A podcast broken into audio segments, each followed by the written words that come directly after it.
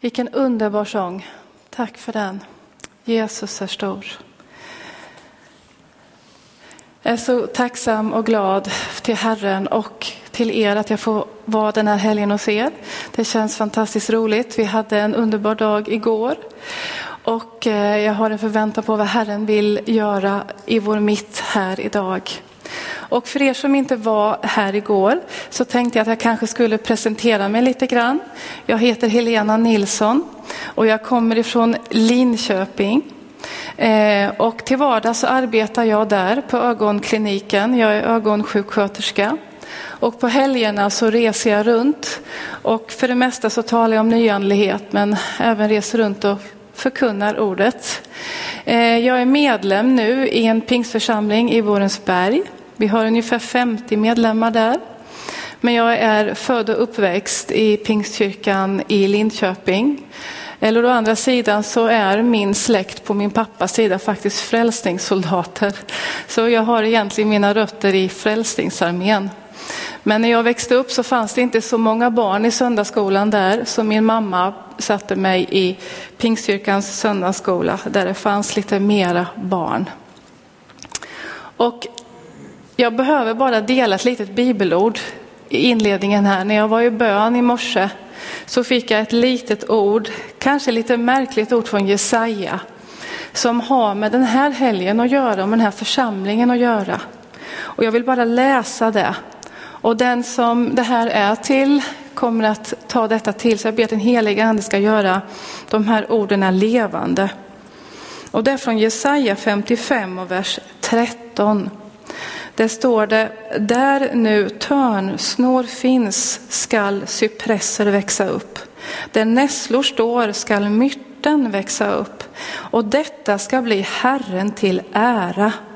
Ett evigt tecken som inte skall utplånas. Där nu törnsnor finns skall cypresser växa upp och där nässlor står skall myrten växa upp. Detta ska bli Herren till ära, ett evigt tecken som inte skall utplånas.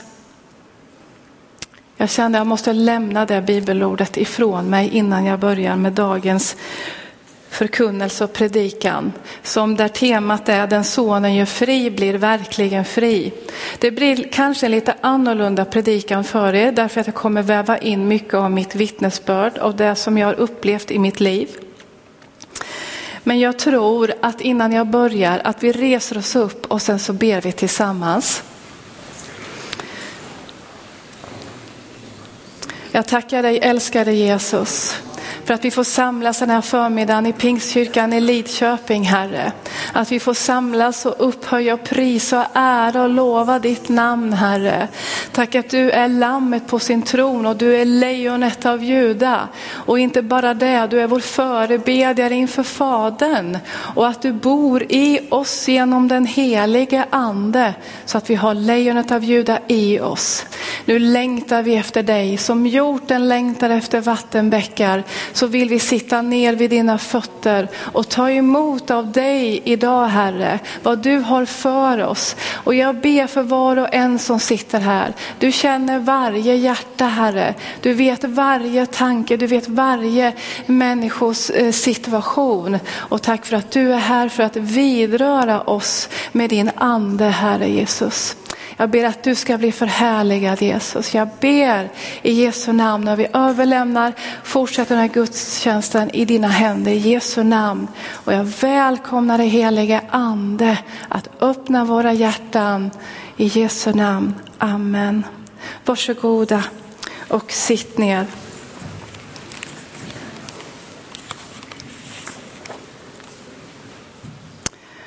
Och jag läser ifrån Johannes evangeliet kapitel 8 och från vers 31. Abrahams sanna barn. Jesus sa till de judar som hade satt tro till honom. Om ni förblir i mitt ord är ni verkligen mina lärjungar och ni ska förstå sanningen och sanningen ska göra er fria. De svarade honom, vi är Abrahams barn och har aldrig varit slavar under någon. Hur kan du säga att vi ska bli fria? Jesus svarade, amen, amen säger jag er. Var och en som gör synd är syndens slav. Slaven bor inte kvar i huset för alltid, men sonen stannar där för alltid.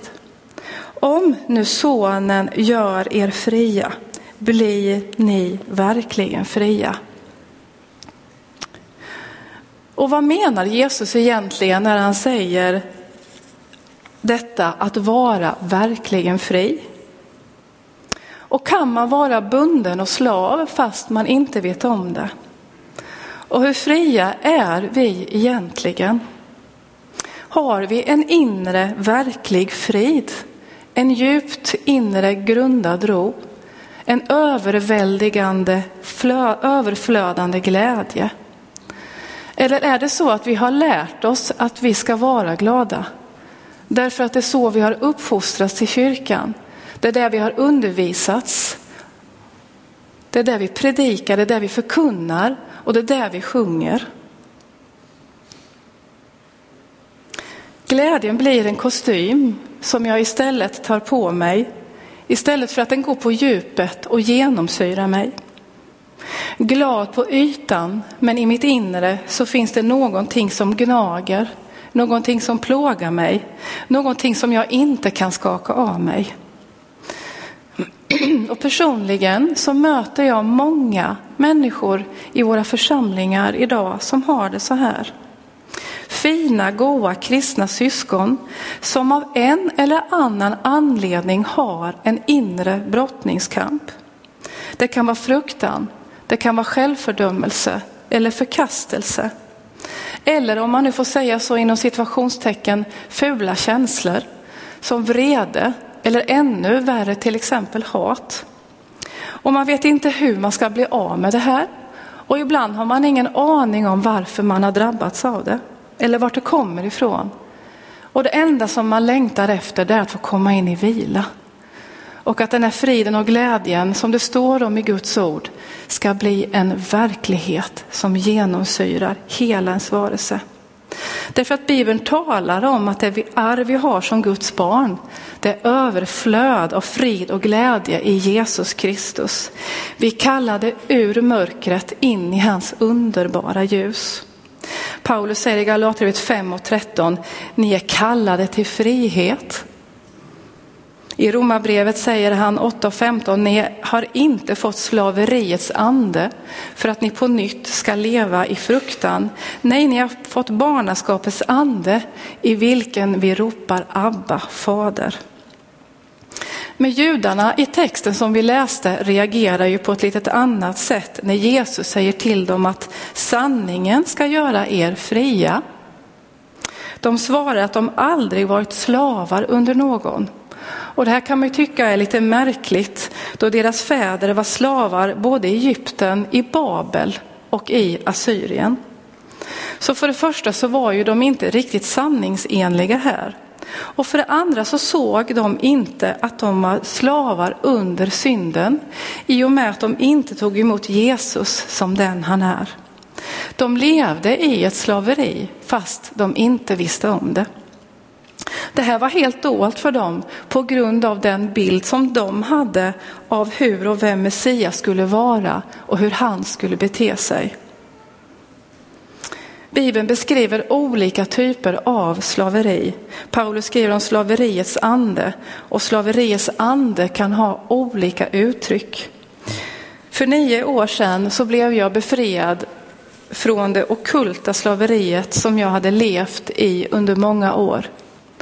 Då ringde jag en måndag förmiddag till Pingstkyrkans förra föreståndare Anders och sa till honom att jag har tre demoner vid min sida. Och jag frågade honom om det fanns någon i församlingen som kunde skilja mellan andar och dra ut demoner. Anders kände mig väl, även om jag hade gått ur församlingen när jag blev spiritist. Eftersom jag är uppväxt i kyrkan, jag blev frälst när jag var sju, döptes när jag var nio, andedöpt när jag var elva. Och under min uppväxt var jag mycket aktiv i församlingsarbetet, eh, engagerad i evangelisationen. Jag gick bibelskola. Men det var inte bara det att jag var aktiv i alla arrangemang. Som barn hade jag en mycket levande tro på Jesus. Jag bad och läste Bibeln mycket. Men åren gick och jag gifte mig och jag fick två barn. Men långsamt så gled jag bort först från församlingsgemenskapen och sedan från min barndomstro. Och det blev mer och mer av världen i mitt liv. Så år 2000 så skildes jag och mina barns far åt. Det här var ju förstås en mycket mörk och svår tid.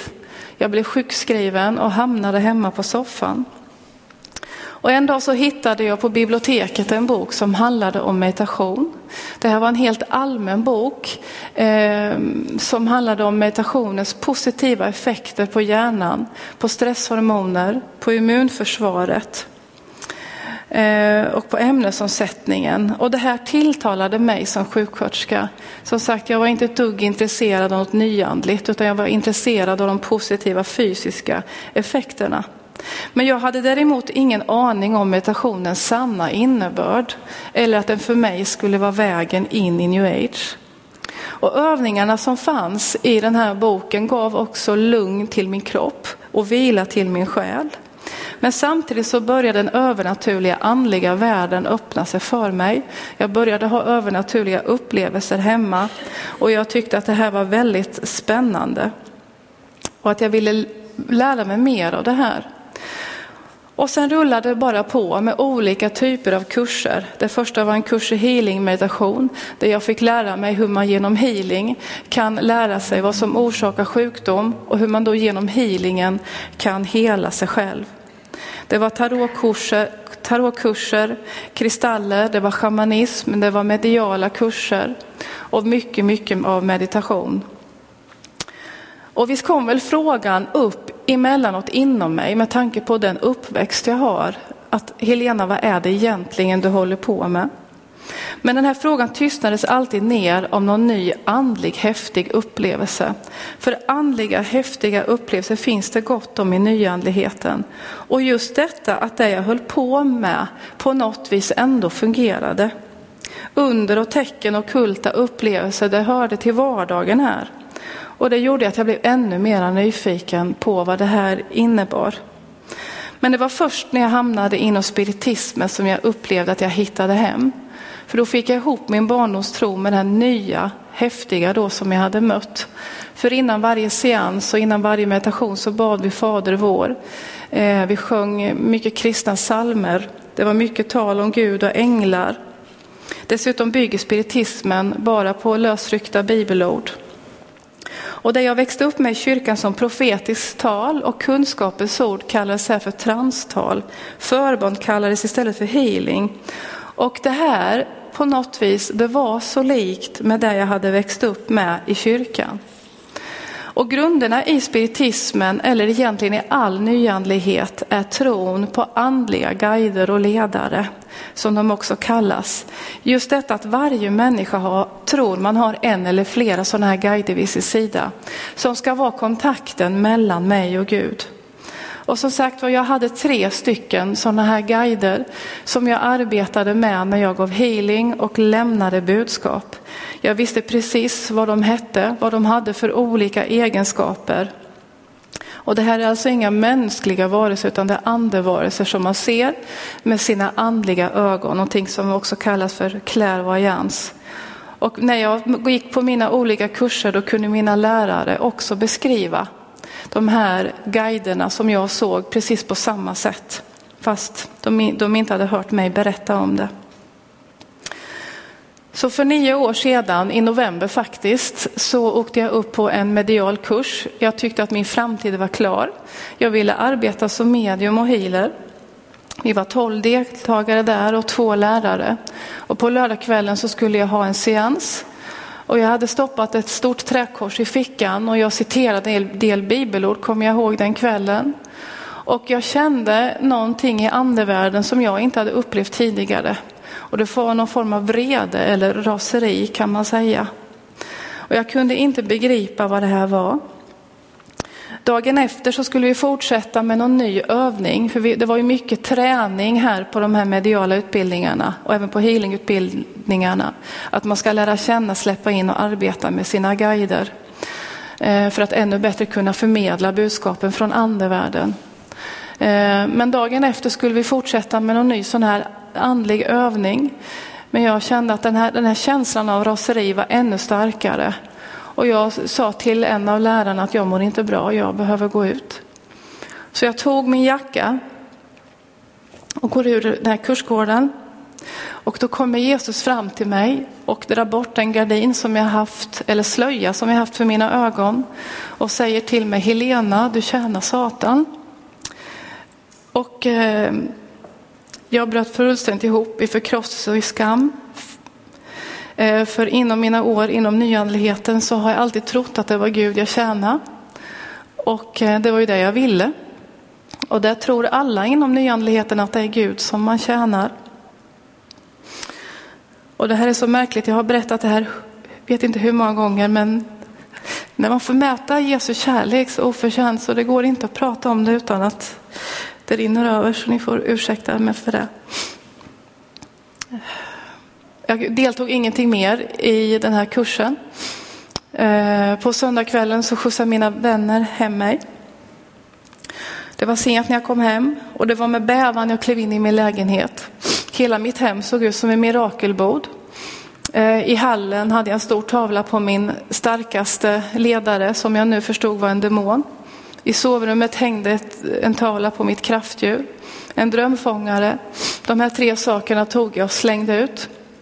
Jag tog mitt träkors i handen och gick till sängen och försökte sova men det gick inte. Det var fullständig kaos i andevärlden. Och mitt i natten så kommer Satan och visar sitt ansikte. Och det enda jag får ur mig är i Jesu namn försvinn härifrån. Sen kom morgonen och det var måndag morgon. Och det var då jag ringer till Anders och berättade om det här. Och hon sa att det finns en kvinna i församlingen som kan hjälpa till. Och jag bad Anders att de skulle komma båda två och att de skulle ta med sig nattvarden. Så de kom dagen efter. Och jag sa att jag vill avsäga mig allt det här. Jag vill bekänna min synd. Jag vill ta emot Jesus i mitt liv igen. Och jag fick böja mina knän på vardagsrumsgolvet.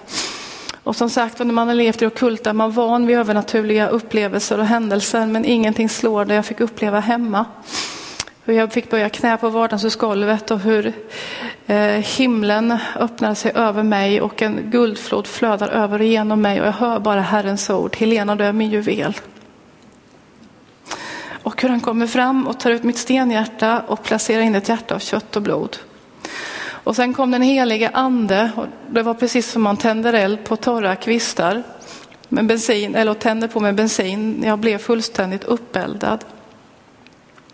Och jag är ju rödhårig men jag kände verkligen att jag hade, att det brann, det brann ovanför huvudet. Det var en sån påtaglig befrielse.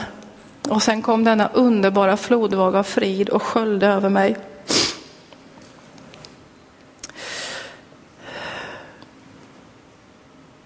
Och jag visste att jag var ren. Jesus befriade mig. Vilket jag var så otroligt oförtjänt av. Den sonen gör fri, fri, blir verkligen fri. Och det är så nåd och jag är så tacksam till Jesus att han har bevarat mig under de här nio åren. Och att han dessutom har lovat att slutföra det verk som han har påbörjat i mig. Och det tycker jag är så skönt. Det hänger inte på mig. Jag är hans verk och jag är hans ansvar. Det är ganska så skönt. Men det var egentligen efter befrielsen som det riktiga jobbet började. Oho, tack. Tack. Det går ju inte att snyta sig snyggt så då måste jag vända mig om.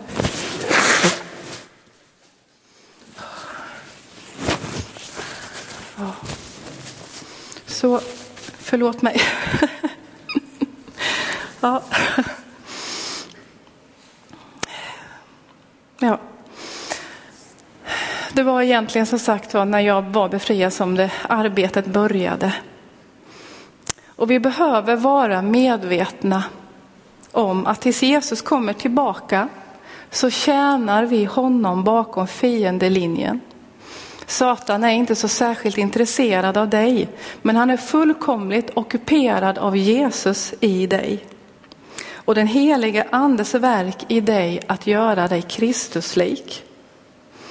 Kristus i dig talar om hans död. Och det är där som kampen står över våra liv. Det står i Guds ord att djävulen är ute efter att stjäla, slakta och förgöra. Han har ju ingen makt. Jesus har all makt. I Kolosserbrevet 2.15 så står det att han har klätt av välderna och makterna och förevisat dem offentligt när han på korset triumferade över dem. Men han kan förvilla oss därför att han är ju lögnens fader. Paulus säger att vi strider inte mot kött och blod utan mot furstar och väldigheter och världshärskare här i mörkret, mot ondskans andemakter i himlarna. Och Satan arbetar främst utifrån två olika strategier. För det första att hålla dig borta från Jesus. Han gör allt för att du ska flytta ditt fokus bort ifrån Jesus och ifrån Golgata kors till dig själv eller till dina omständigheter. Rent konkret så handlar det om att han gör allt i sin makt för att du inte ska ta tid med Jesus i bön och i bibelläsning. Och det är ju inte så konstigt hur man kan slå ihjäl tre timmar framför datorn om man tycker det känns som tio minuter. Men vilken kamp det kan vara när man ska ta en halvtimme i bön. Och är det så att vi har flyttat vårt fokus, vårt fokus från Jesus så blir det som, det står i Uppenbarelseboken 3, vill vi varken kalla eller, vi, eller varma utan vi blir ljumna. Och då behöver vi få tillbaka vårt fokus på Jesus och sätta tiden med honom i första rummet. För det andra, kan han inte hålla dig borta från Jesus så gör han allt för att du ska kunna tjäna honom effektivt. Och här använder han främst lögner. Lögner som har med din frihet att göra. Han lägger på skuld, självfördömelse, förkastelse, bördor som, bördor som gör att du inte riktigt känner dig fri, fast du egentligen är det. Därför att du blev fri för 2000 år sedan när Jesus dog på Golgata kors, när han ropade ut att det är fullbordat. Och efter det att jag hade blivit befriad så upplevde jag att Herren placerade mig i en ugn för att pröva vad som fanns i mitt hjärta. Precis som Gud ledde Israels folk 40 år i öknen för att pröva vad som fanns i deras hjärtan, om de skulle hålla Guds bud eller inte.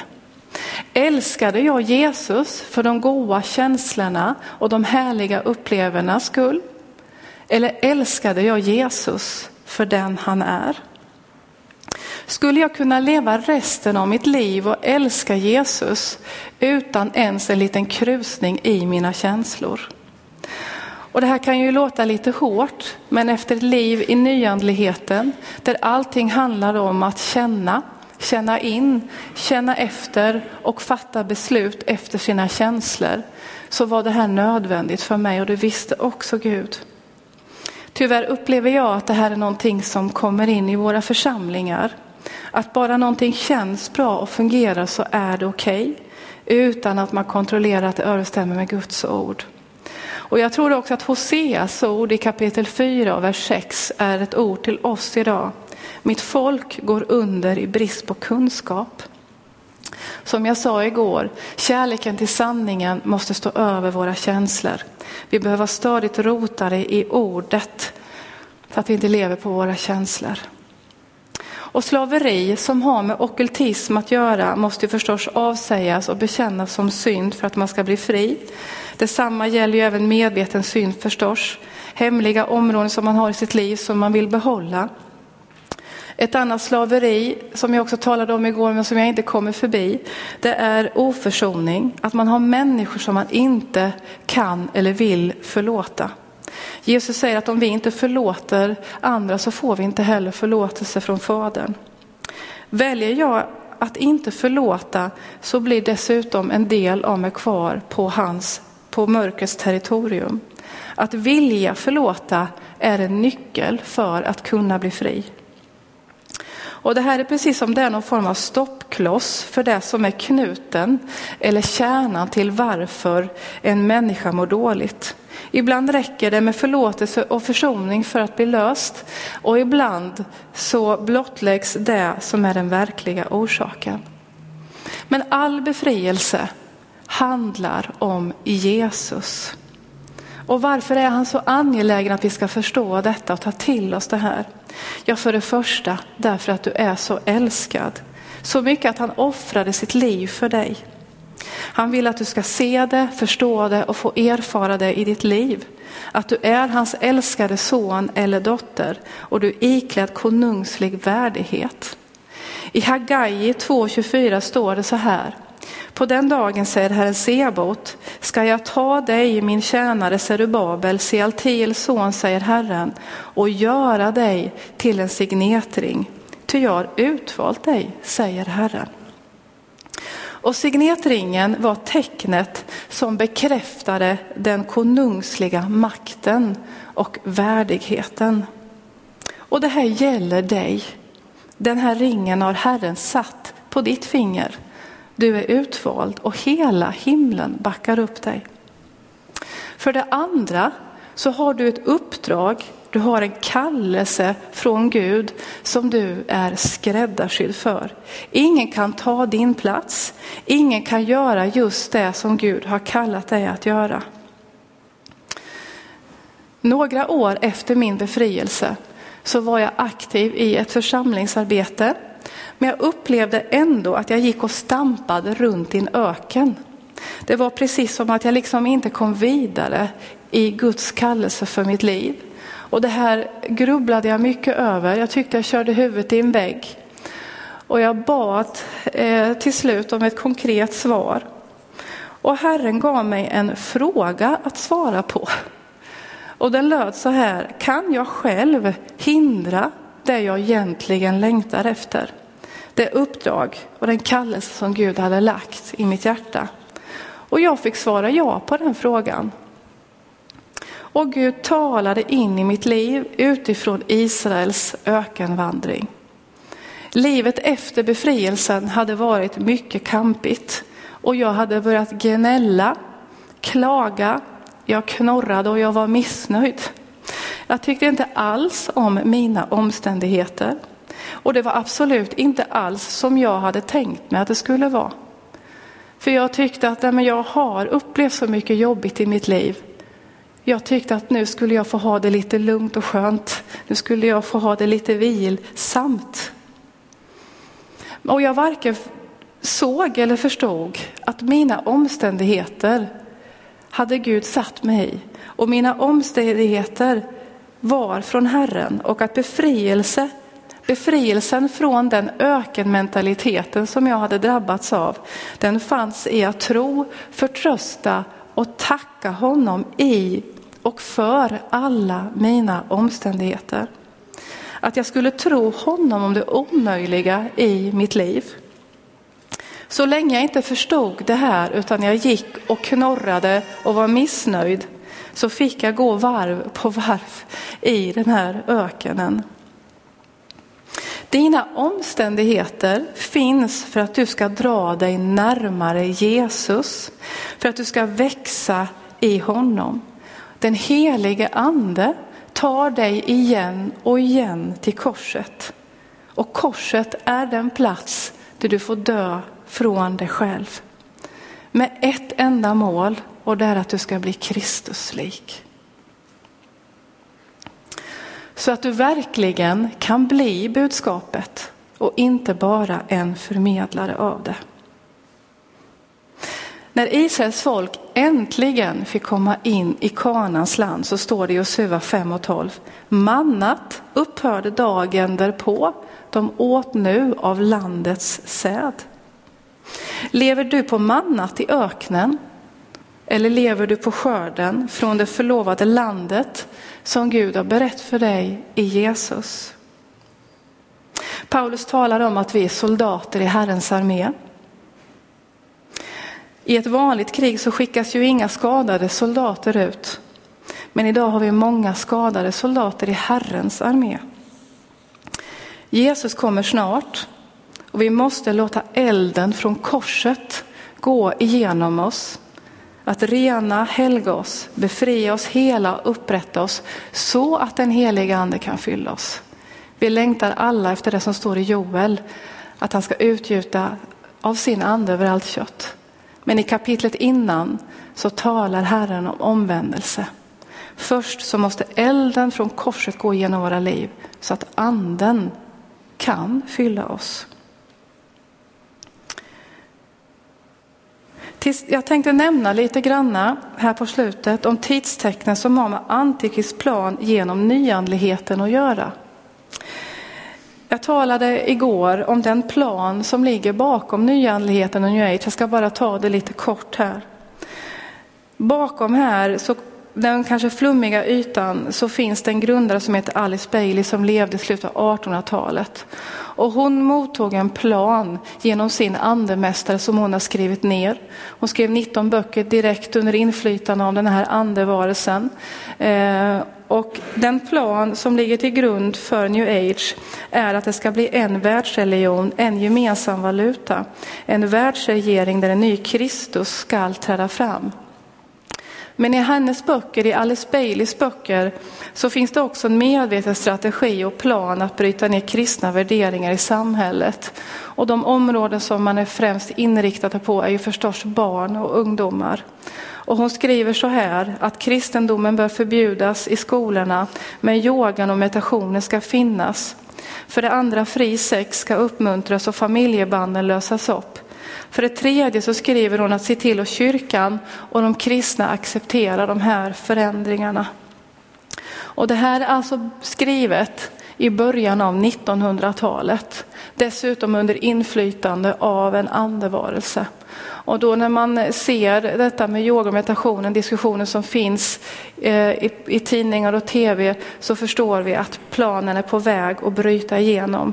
Det står också klart och tydligt när man studerar new age och nyandligheten att målet är att utplåna all kristendom.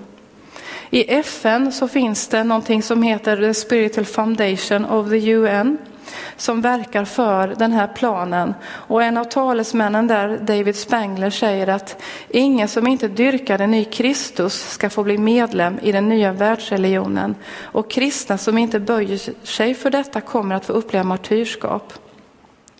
Och det som går snabbast nu är enandet av alla religioner och byggandet av en enda synkretistisk världskyrka och få en enda synkretistisk världsandlighet, det vill säga religionsblandning.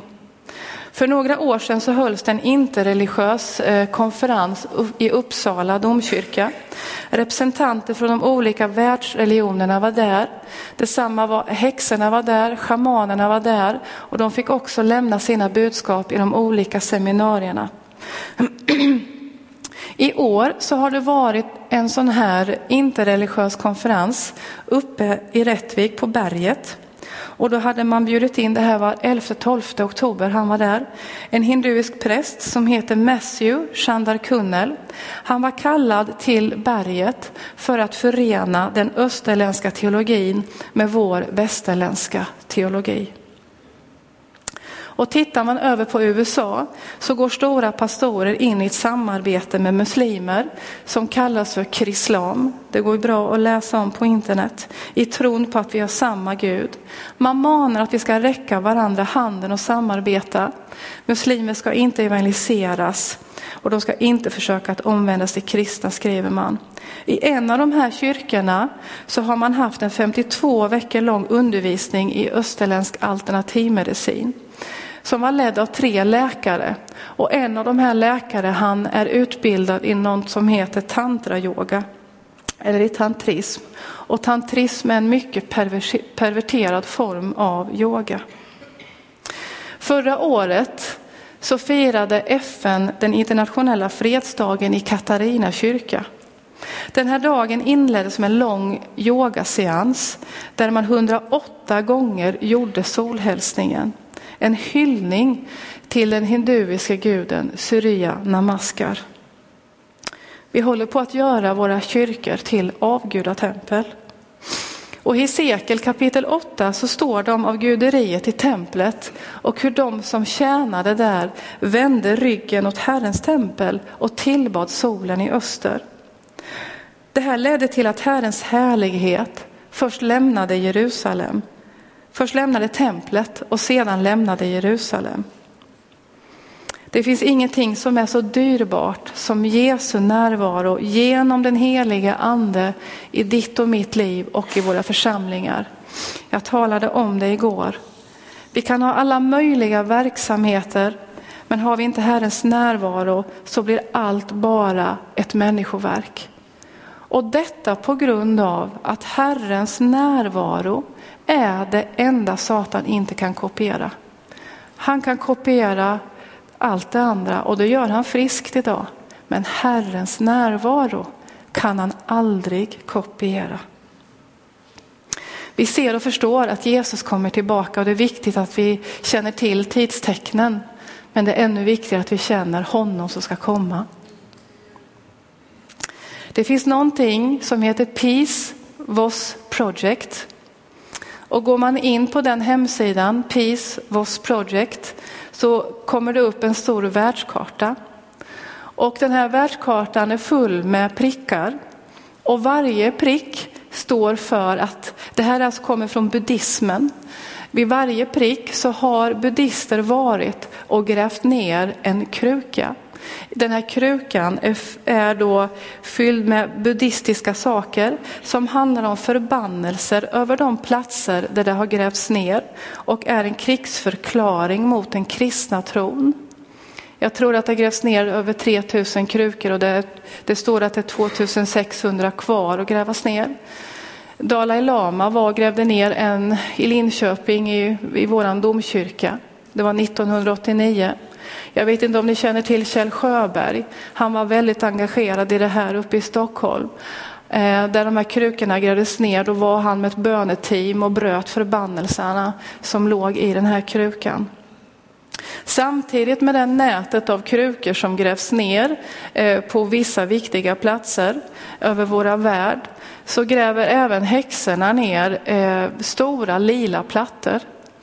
Eh, och de här plattorna grävs också ner över hela vår värld där man anser att energierna är som starkast. Plattorna är lila därför att lila är färgen för andlighet. Till de här platserna där de här plattorna är nedgrävda så vallfärdar satanister, spiritister, moderjordsällskap och häxor för att hålla sina ceremonier. För att be den här bönen som jag talade om igår, den stora invokationen, för att frammana antikrist och för att planen ska träda i bruk. Och hur kan jag veta det här undrar ni kanske. Men detta med de lila plattorna är en häxa som har berättat för mig. Och vi har ett område i Östergötland med Omberg som är fyllt med denna okultism där de, där de anser att energierna är väldigt starka. Så de ligger också som ett nät över våran värld. Eh, men det som var lite intressant att förra sommaren så lyssnade jag på Birger Skoglund när han predikade. Och då sa han att jag har sett en syn. Och han såg att över våran värld så låg det ett nät. Men så såg han också hur Guds församling går tillsammans och reser sig upp och detta nät bryts. Han hade ingen aning om det här med krukorna. Han hade ingen aning om det här med plattorna. Och vi samtalade om det efteråt. Och det är så starkt när vi som kristna ser och förstår vad vi har i Jesus Kristus. Att vi kan resa oss upp och fördriva de furstar som vill lägga beslag på våra länder och på vår värld. Inom den okulta världen så är man väldigt vaken.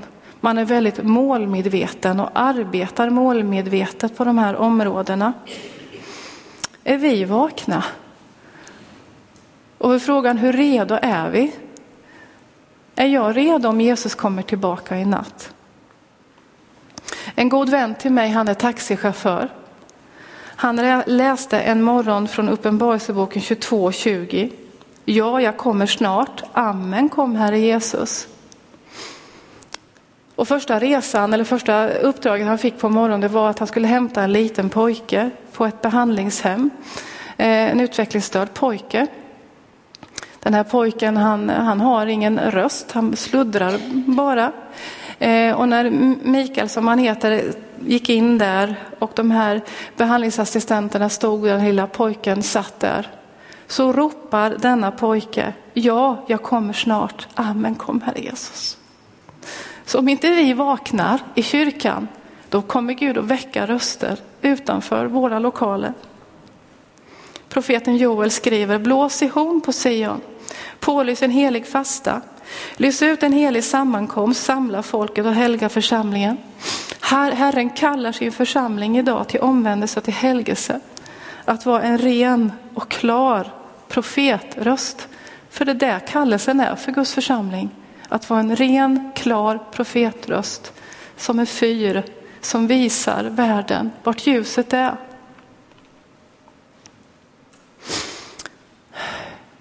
Jag ska avsluta här alldeles strax.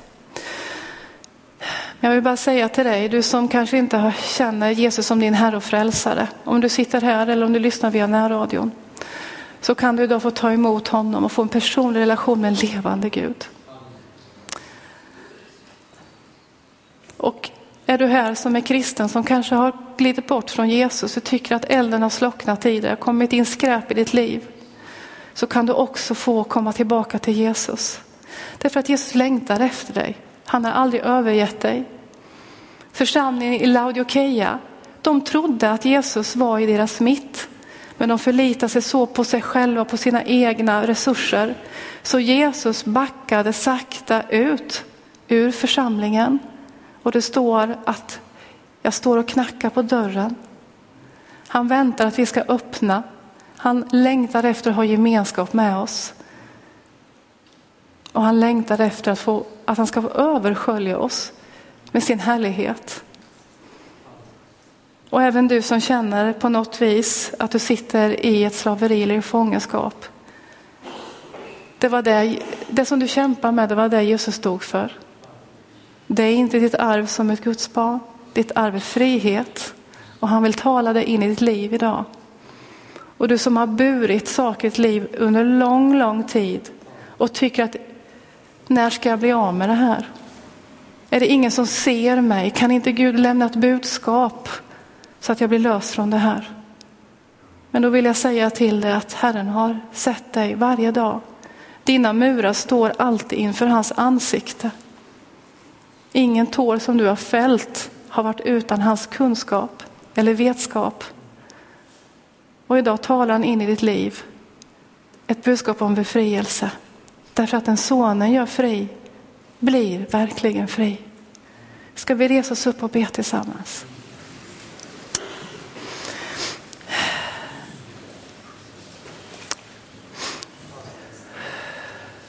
Vår himmelske fader. Och vi bara kommer inför ditt ansikte. Som dina barn. Herre, vi vill bara komma och överlåta våra liv i nytt, på nytt till dig. Du vet det som har blivit hårt i våra hjärtan, som gjort att vi har kommit bort från den första kärleken. Bryt ner det hårda idag. Du vet det som har gjort att vi har tappat fokus från dig, som gjort att vi blivit ljumna. Åh, vi vill återfokusera på dig idag Jesus. Vi vill låta din eld brinna i våra liv igen. Så att vi kan få sprida din eld ut över vårt land. Rena oss, rena oss så att vi kan bli en klar och ren profetröst. Att vi kan få vara fyren på klippan som bara pekar på dig, som bara talar dig, som bara får vara representant för dig Jesus. Tack att du har lovat i ditt ord att bekräfta det sanna rena evangeliet med under och tecken Herre. Tack att du vill låta ditt folk bryta med ökenmentaliteten, med ökenlandskapet, med det mannat i öknen och bryta in i Kanans land och få skörda av skörden i det förlovade landet som du har berättat åt ditt folk, som du har berättat åt var och en Jesus. Kom med din härlighet, jag ber att du ska beröra människor på djupet av hjärtana här idag. En andlig kirurgi där murar, band och bojor får rasa. Helige ande, tack att du är här och gör ditt verk. Vidare våra hjärtan. Jesu namn, Herre. Jesu namn. Jesu namn. Jesu namn.